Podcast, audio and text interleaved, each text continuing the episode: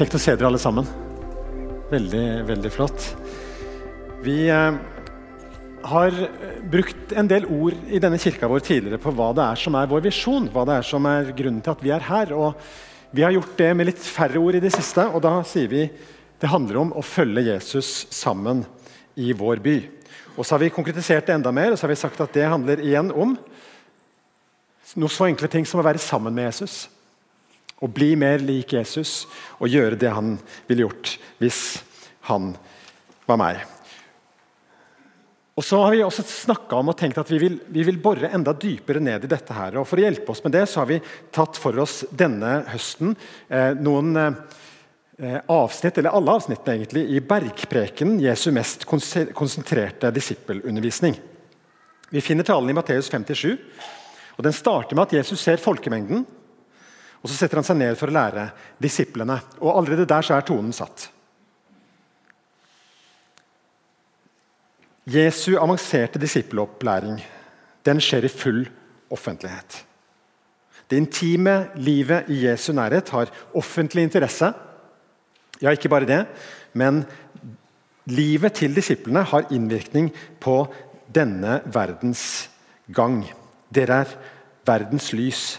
Dere er jordens Så Jesus tar altså ikke og hvisker det han har å si til de aller mest eh, innvidde.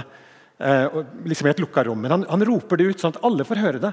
Så, så denne motivasjonstalen, denne, denne, forventningsavklaringen Jesus har til disiplene, som handler om hvordan vi skal leve, den er ikke sagt i det skjulte. Den er noe som alle får høre. Og så er det heftige ting vi får høre i Bergprekenen. Derfor har Nikki Gumbel, alfakursenes far, sagt at ingen, har noen gang gitt verden noen større utfordring enn den Jesus kom med da han ga oss Bergprekenen. Og Dette har vi jobba oss litt gjennom i denne kirka. og Hvis du er interessert i å høre noe av hvordan vi har eh, gått løs på dette, så kan du gå inn på bergenfrikirke.no. slash podcast, så finner du Eh, de forrige tallene. Vi har lagt bak oss fire taler. Vi har kommet nå til den femte. Og I dag har jeg valgt som overskrift 'Min bekymring utretter lite'. Min bønn kan utrette mye. Også i dag har vi en ganske lang tekst foran oss. Vi leser sammen fra Bergprekenen kapittel 6 i Matteusangeliet, vers 19, og ut til kapittel 7 og vers 11. Der står det sånn. Dere skal ikke samle skatter på jorden, hvor møll og mark ødelegger, og hvor tyver bryter inn og stjeler. Men dere skal samle skatter i himmelen, der verken møll eller mark ødelegger og tyver ikke bryter inn og stjeler. For hvor din skatt er, vil også ditt hjerte være. Det er øyet som gir legemet lys. Er ditt øye friskt, blir hele legemet lyst. Men er ditt øye sykt, blir hele legemet mørkt. Om nå lyset i deg er mørke, hvor dyrt blir ikke da mørket? Ingen kan tjene to herrer.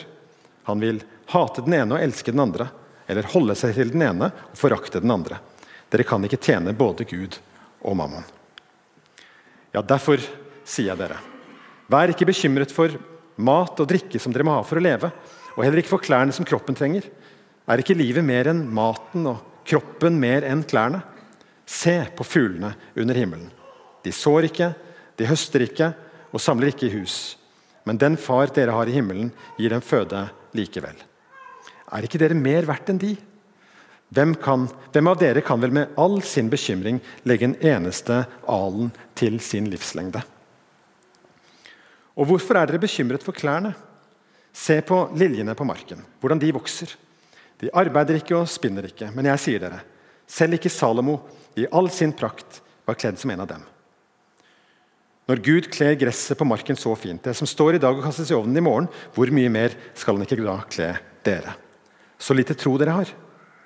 Vær altså ikke bekymret og si 'hva skal vi spise', eller 'hva skal vi drikke', eller 'hva skal vi kle oss med'? Alt dette er hedningene opptatt av. Men den far dere har i himmelen, vet at dere trenger alt dette. Søk først Guds rike og hans rettferdighet, så skal dere få alt det andre i tillegg. Så vær ikke bekymret for morgendagen. Morgendagen skal bekymre seg for seg selv. Hver dag har nok med sin egen plage. Døm ikke for at dere ikke skal bli dømt. For dere skal selv dømmes etter den dom dere feller over andre. Og det skal måles opp for dere i det målet dere selv bruker. Hvorfor ser du flisen i din brors øye, men bjelken i ditt eget øye du ikke, legger du ikke merke til? Eller hvordan kan du si til din bror La meg ta flisen ut av øyet ditt når det er en bjelke i ditt eget? Din hykler. Ta først bjelken ut av ditt eget øye. Da først vil du se klart og kan ta flisen ut av din brors øye. Gi ikke hundene det hellige, og kast ikke deres perler for svin. De vil bare trampe dem ned, vende seg mot dere og rive dere i stykker. Be, så skal dere få. Let, så skal dere finne. Bank på, så skal det lukkes opp for dere. For den som ber, han får, og den som leter, han finner, og den som banker på, blir det lukket opp for. Eller er det noen av dere som vil gi sin sønn en stein når han ber om brød? Eller gi ham en orm når han ber om en fisk? Når selv dere som er onde, vet å gi barna gode gaver, hvor mye mer skal ikke da den far dere har i himmelen, gi gode gaver til den som ber ham? Vi har hatt dåp i dag. Og nyfødte er jo noen merkelige fenomener. Denne lille halvmeteren som plutselig blir omdreiningspunkt sånn over natta for opptil flere husholdninger. De kan ingenting. Altså, de kan ikke holde sin egen kniv og gaffel når de skal spise engang. Og like fullt så er de altså så elska, nesten til det absurde. Og Nå snakker jeg ikke om eh, dåpsbarnet, jeg skal på ingen måte snakke ned dåpsbarnet, jeg snakker generelt her. Men det er jo nesten ikke grenser for denne overstrømmende beundringen og begeistringen som blir den lille til del. Og hva for? Altså Hvis vi er helt ærlige De holder folk våkne. De tar fra folk friheten og fritiden deres. De gulper, griner og gjør på seg. Og Likevel så blir altså de aller nærmeste helt tussete av begeistring og beundring over den lille halvmeteren som de har fått. Hvorfor det? Det kalles kjærlighet. Og når den kommer, så kommer den, og den er der for alltid. Jeg vet det, for jeg har vært der. Og jeg er der. Og Så kan vi flytte det bildet over til vår relasjon med Gud. Like, dette har vi hørt mange ganger. Like lite som vi kan gjøre for å fortjene hans kjærlighet og godhet, like lite som vi kan gjøre for å fortjene hans nåde og frelse. Sånn er det. Frelsen er en Guds gave. Uten at vi fortjener den. Vi tar imot denne gaven i dåpen. Vi tar imot denne gaven ved troen. Men Jesus sa altså aldri 'gå ut og døp så mange dere kan'. Han sa heller ikke 'gå ut og forkynne evangeliet så folk kan komme til tro'. Punktum. Han sa 'gå ut og gjør disipler'. Gå og lær dem å holde alt det jeg har befalt dere. Og mange av de tingene han har befalt oss, finner vi altså i bergpreken. Jeg tok en sånn opptelling for meg sjøl og fant ut at det er i hvert fall 28 sånne tydelige imperativer. Do's and don'ts, som det heter på godt norsk. Kommandoer i bergprekenen. Dette er altså direkte ordrer fra sjefen fordi han som er vår frelser, han er også vår herre. Og så kan vi si er det dette kristendom handler om? Bud og regler? Påbud og ordrer? Kan noen frivillig gå inn i et sånt liv, eller være motivert for et sånt liv? Er det ikke mye bedre å være fri til å gjøre som man vil? Sammenligning med foreldre og spedbarna er relevant. For Foreldrene endrer jo totalt livsstil når denne kiden kommer til. Og hvorfor det? Er det fordi det står i en regelbok de får utdelt på sykehuset? Er det for å imponere noen? Er det fordi storting og regjering krever det av dem? Er det av frykt for straff? Det er jo ikke det. Det er fordi det er en veldig dyp relasjon der i utgangspunktet. En mor-barn-relasjon en far-barn-relasjon som vil være der så lenge dere lever. Uansett hvordan det går. Og det er hemmeligheten ved bergprekenen også. Det er en relasjon der, i utgangspunktet. Det er en ting vi må ha på plass hvis vi skal forstå bergprekenen. og Det er hva det er som står i adressefeltet. Hvem er det bergprekenen er talt til? Det er Jesus som taler, det skjønner vi. Men hvem er det han taler til? Og Dette blir forstått og misforstått litt om hverandre. Det er tre grupper som omtales i bergprekenen. Det ene er folkemengden. Den skrives det om, og Og I talen til Jesus så omtaler han folkemengden som folk, noen ganger som menneskene. Og det er ikke de bergprekenene er skrevet til. Noen ganger så snakker han om hedningene, og det er aldri nedsettende. Det er bare et annet ord for ikke-jøder, folkeslagene. Og Noen ganger snakker han til hyklerne, og de får passet sitt påskrevet. Det er fariseerne, og det er de skriftlærde, og det er den religiøse eliten. Jesus har et og annet å si til de. Men det er ikke de denne talen er til. 65 ganger i bergprekenen sier Jesus 'dere'. Hvem er denne gruppa 'dere' som Jesus snakker til over 111 vers i bergprekenen? Jo, det er disiplene. Det er disiplene. Det er de som allerede var blitt disipler, de som kommer til å bli disipler, helt fram til Jesu gjenkomst. Fordi disiplene hørte Jesu befaling som sa gå og gjøre disipler. Idet dere lærer dem å holde alt de har befalt dere, så ga de videre til andre disipler. Så det er disipler fra alle tider fram til Jesu gjenkomst som er i adressefeltet. Og så er det noen som er på kopi. Det er de som står og hører på, og de får lov til å høre alt som blir sagt. Og så er det fariseerne og så er det folkeslagene. Kanskje er de på blindkopi på et eller annet finurlig vis. De får nok høre dette, disse også, men de er ikke til stede og blir adressert i denne talen der og da. Og Den store forskjellen For det må vi spørre om. Hva er da forskjellen mellom disiplene og de andre som hører talen? Hva er forskjellen? Hva er denne X-faktoren som gjør at disiplene er en egen gruppe her? Er det det at de har så sterk en tro? Ja, Jesus sier jo i den teksten vi hørte nå, dere lite troende. Så det er ikke det som er kvaliteten de har. At den er så veldig sterk, den troen. Er det en upåklagelig livsførsel? Har de liksom nådd et visst nivå av livsførsel? Til det må vi si både ja og nei. Noe av dette her som Jesus setter som ideal i bergpreken, det lever vi. Men andre, i andre ting så krasjer vi fullstendig. Vi har sagt ja til et høyt ideal, men noen ganger så må vi forsyne oss rikelig av Guds nåde og tilgivelse. Så det er ikke det heller som er den store forskjellen mellom de som står på kopi, og de som står i adressefeltet. Hva er forskjellen? Hva er X-faktoren? Jo, den store forskjellen er den far dere har i himmelen. Relasjonen er allerede på plass. Gud blir omtalt som nettopp Gud seks ganger i bergpreken. Men den betegnelsen som oftest brukes på Gud i bergprekenen, det er deres himmelske far. Den far dere har i himmelen. Deres far. Og En gang sier også Jesus 'min far', og det er oppsiktsvekkende nok. At den som han kaller deres far, er også hans far. Han setter seg på den måten på samme nivå som oss i dette.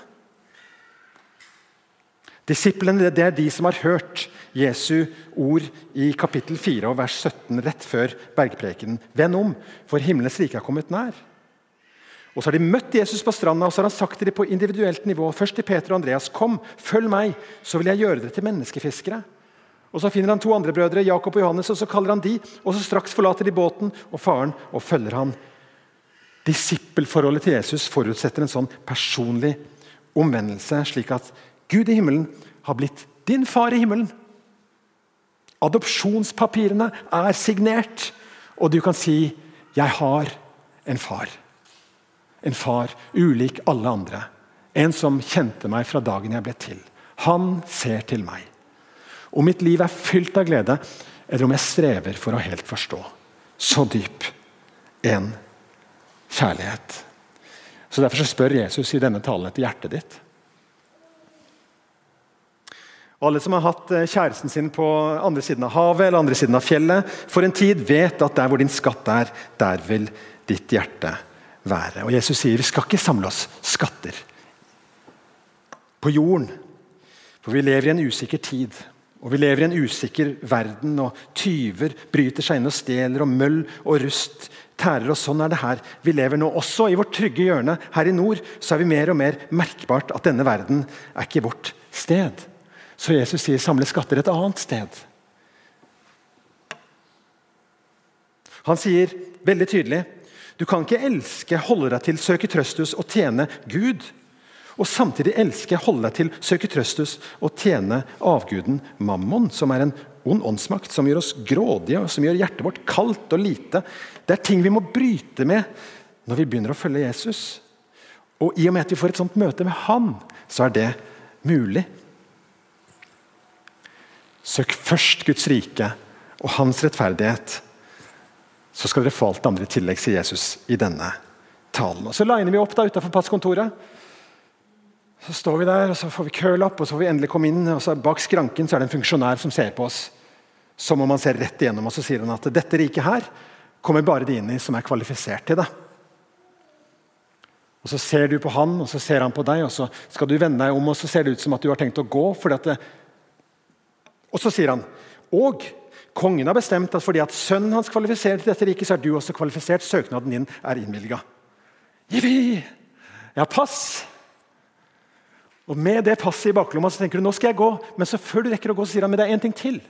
Og det er at Du er ikke bare borger av dette riket, men du er også adoptert inn i Guds familie. Så dette er adopsjonspapirene. De er signert. Du er en sønn. Du er en datter fra nå av. Skal vi snakke litt om de der bekymringene dine? Bekymring. Det er det jeg skal snakke om i dag. Bekymring. Det er, masse herlige formuleringer i denne, i denne, teksten her som jeg skulle ønske jeg hadde mer tid til å kunne prate om. For denne her, 'Kast ikke deres perler for svin'. Jeg skulle jo egentlig tenke at Jesus han må ha lest kommentarfeltene på sosiale medier i Norge i 2022. Altså, Kast ikke deres perler for svin. For de vil vende seg mot dere, de vil rive dere i stykker, de vil trampe på de fine perlene dere sender ut. Så ikke gjør det for mye i sosiale medier. Men jeg har ikke tid til å snakke om det, jeg skal snakke om bekymring. Og jeg tror det er en riktig tid å nevne det. Jesus har jo noen herlige formuleringer her. da. Han maler med nydelige farger. Han snakker om fuglene under himmelen og liljene på marken. og Det høres så vakkert ut at vi kan bli helt sånn stemt inn i denne atmosfæren. Men, men Jesus kan umulig ha lest nyhetene i 2022. altså. Vet han ikke nå at det er grunn til bekymring i våre dager? Har han ikke fått med seg renteoppgangen? prisstigning på mat. Russland som rasler med sablene. Jeg bagatelliserer ikke noen ting av dette her fra talerstolen i dag. Ingenting av det. Men verden har vært ute i en vinternatt før. Nå er det mørke skyer i Europa, og vi merker det også her hos oss. Men i parentes, og uten å latterliggjøre noe som helst. Jeg husker når Flåttfaren var det verste Dagbladet kunne slå opp på førstesiden, og vi ble alle litt redde i magen. De siste året har det vært andre ting enn flåttfaren som har fått lov til å prege nyhetene. Men nyhetene er jo av en sånn karakter at de vil gjerne at vi skal frykte litt. De vil gjerne at vi skal få litt reaksjoner, slik at vi kjøper den avisa eller klikker på den saken. Så er det ikke pandemi eller krig eller renteoppgang, så er det flåttfare. Bare nevner det. Hva er det Jesus underviser oss om her, da, når det gjelder vår alles kjente om ikke så kjære bekymring. Han sier, 'Hvem av dere kan vel med all sin bekymring legge en eneste alen til sin livslengde?' Og det er vanvittig godt sagt. Altså, Du får ikke noe lengre liv av å bekymre deg. Krigen går ikke over om du bekymrer deg. Det er ikke bekymring som skal til for å unngå koronasmitte eller annen sykdom. Og så er vi forskjellige av personlighet og legning og Noen har en tendens til å se lyst på alt, og noen har en tendens til å se mørkt på alt. Og det er også psykisk uhelse inne i bildet, så jeg ler ikke av dette på noen måte. Men vi må snakke om perspektiv. Vi må snakke om perspektiv, og vi må snakke om forventning. Ehm, det er ingen eh, bergensere som går rundt og er bekymra for at det skal bli regn. Men det er noen østlendinger når det er kornhøst og de er kornbønder, og det, og det styrtregnet som de vet kommer noen ganger i august og, og, september, det kan ødelegge kornhøsten, så da bekymrer de seg for regn. De bekymrer seg for styrtregn. Eller regn, som vi kaller det her i Bergen. Altså, Hvilken forventning vi har, og hvilket perspektiv vi har, det spiller inn. Jeg leste nettopp om en misjonær som er akkurat kom til Norge, som er i slekt med noen i denne salen. Og Hun var så redd for det å skulle stå på en talerstol i Norge pga. kultursjokket hun hadde fått når hun hadde kommet tilbake til Norge. Hun lever i et land hvor det er forbudt å være kristen. Og folk blir kristne. Og de risikerer livet sitt for den nye troen sin. Og når de har først risikert livet sitt for den nye troen sin, så spiller det ingen rolle å gi fra seg eiendelene sine til Guds, Guds rikes sak. Selv om de har lite fra før. Og Så kommer du til Norge og så ser du på prioriteringene våre og så sier du jeg må bare legge bånd på meg når jeg står på en talerstol, så ikke jeg fornærmer folk. Men jeg, jeg kjenner det i hele meg at det er noe som er galt. Jesus, som uttalte dette Hvem kan vel av dere med all sin bekymring legge en eneste alen til sin livslengde? Han visste jo at han skulle dø. Han visste at han sa det til disipler som skulle dø. Før tiden, for å si det på den måten. Unge. Han visste også at eh, all hans bekymring som menneske, all disiplenes bekymring som mennesker, ville ikke gi dem et sekund lenger levetid. Det ville bare gi et mer miserabelt liv. Corrie ten Boom har sagt at 'worry does not empty tomorrow of its sorrow'. It empties today of its strength. Corey ten Boom, denne troshelten som mista søstera si og faren sin til en konsentrasjonsleir under annen verdenskrig, hun eh, snakker om bekymring. Og så sier hun at den bare dobler opp den kampen som vi står i. For I tillegg til den kampen som vi står i i morgen, så, så har vi bekymringen for morgen, og da blir det dobbelt opp. Og Den løser altså ikke saken om morgendagen i det hele tatt, men den, den uttømmer meg for styrke. Den tar fra meg energi jeg kunne faktisk hatt bruk for i morgen. Og Jeg håper ikke jeg skremte noen nå når jeg sa det, at du kanskje har bruk for noen krefter i morgen. En annen har sagt at bekymring er en samtale du har med deg selv om ting du ikke kan forandre. Bønn er en samtale du har med Gud om ting han kan forandre. Denne talen heter 'Bekymring utretter lite'.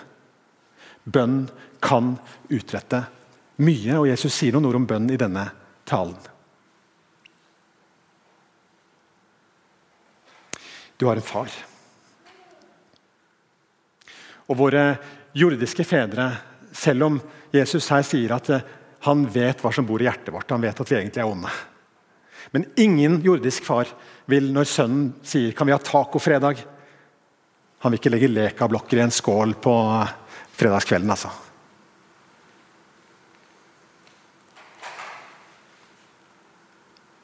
Gud vil gi gode gaver. Jesus sier 'be, så skal dere få'. Let, så skal dere finne. Bank på, så skal det lukkes opp for dere. Og Jeg skal ikke late som jeg har løst gåten, verken med bekymring eller med bønn. Men det er merkelig å se hvordan Bibelen putter de to sammen. Uten at det betyr at Gud dermed er vår colaautomat eller vår lykkeamulett, som, som gjør at vi får det akkurat sånn som vi vil. Så har han sagt noe om bønn, og han har sagt ganske sterke ting om bønn. Og han gjør det ofte i forbindelse med bekymring. Så Hvis vi skal, litt, eh, hvis vi skal leke litt med ord, så kan vi si 'bekymre deg ikke, men be'. Så kymre deg mindre.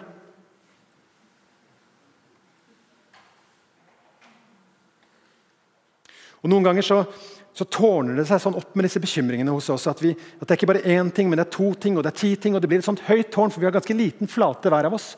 Så vi bare legger det oppå hverandre. og Det blir et sånt stort tårn. Og hva skal vi egentlig gjøre med all den bekymringen vår? Ja, Vi skal be, sier du, men hvordan skal jeg be? Da Da sier Peter, kast. For dette, av og til så trenger vi å ta sats. Finne satsfoten og ta tilløp. Og så bare få det av oss.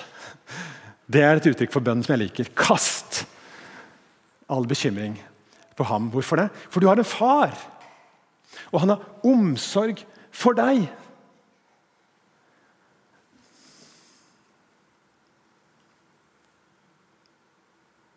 Så Jesus har støtte hos Peter når han sier 'ikke bekymre deg'. Og han har støtte hos Paulus. Hør på dette fra Filippebrevet 4. Vær ikke bekymret for noe. Lett for deg å si, Paulus. Vær ikke bekymret for noe. Lett for deg å si, Paulus. Du sitter jo bare i fengsel og vet ikke hva som kommer i morgen. Lett for deg å si 'ikke bekymre deg for noe'. Men la alt som ligger dere på hjertet, komme fram for Gud i bønn og påkallelse med takk. Ser du koblingen mellom bekymring og bønn her? Og så løftet. Og Guds fred, som overgår all forstand. Altså, Jeg forstår det ikke, Gud. Nei, nei, men det er ikke på det nivået vi snakker. Vi snakker et annet nivå enn det du forstår her, min venn. Guds fred, som overgår all forstand, skal bevare to ting. Hjertet ditt. Ja, hjertet mitt er sykt og trett. Jeg trenger det for hjertet mitt. Og deres tanker. Er det lov å si det? At selv om ikke jeg forstår alt, så kan Guds fred bevare tankene mine i Kristus Jesus. Kan jeg få lov til å flytte inn i en fred som også bevarer tanken min, slik at tanken min i dag er annerledes enn tanken min i går. Fordi jeg fikk lov til å kaste av noen bekymringer hos han. Da jeg var liten, så var det jeg var aller mest redd for. Og Nå skal jeg tilbake til det spedbarnet som snart skal bli stort. Han blir litt større, så begynner han å bli redd for ting. Nå er han ikke redd for noe. Jeg var litt større, så var jeg livredd for vind. Og det er jo fordi at jeg var jo tatt fra trygge Østlandet til mer eh, røffe Vestlandet. Eh, og, og, det kan blåse skikkelig her på Vestlandet. Vi vet jo det, at tak kan fly av. Det har jeg aldri opplevd, men jeg var jo redd da jeg var liten og hørte om det. At tak kan fly av. Når det blåste skikkelig, så var det beste stedet jeg kunne være, det var i pappa sitt fang. Og så faktisk så var det sånn at jeg måtte, jeg måtte krype så inn i det fanget at ikke jeg hørte noe. Og da var jeg trygg, trodde jeg. Det gjorde jo ikke noe med vinden. Altså Taket kunne like fullt blåse av, men jeg visste at jeg var i nærheten av han som visste best hva vi da i så fall skulle gjøre. Så det var der jeg ville være. På pappas fang når jeg var redd. Søk først Guds rike og hans rettferdighet. Og så blir alt det andre sekundært. Når det er på plass, og når adopsjonspapirene er signert og du vet at du har en far, da har du en du kan krype til når du er bekymra og når du er redd. Han har lovt at han vil sørge for deg. La oss be. Herre, så ofte ber vi om en stein og du vil så gjerne gi oss brød. Vi skjønner ikke alltid hva det er vi skal be om for å be riktig. Eller for å be om det vi trenger mest. Men du vet. Og du har omsorg for oss. For en enorm gave og for et enormt privilegium det er å ha deg som far. Hjelp oss til å benytte oss av sjansen til å be. Hjelp oss til å legge av bekymringene for nåtiden og framtiden. Takk for at du er vår far, og at i all vår ubehjelpelighet så lytter du til oss.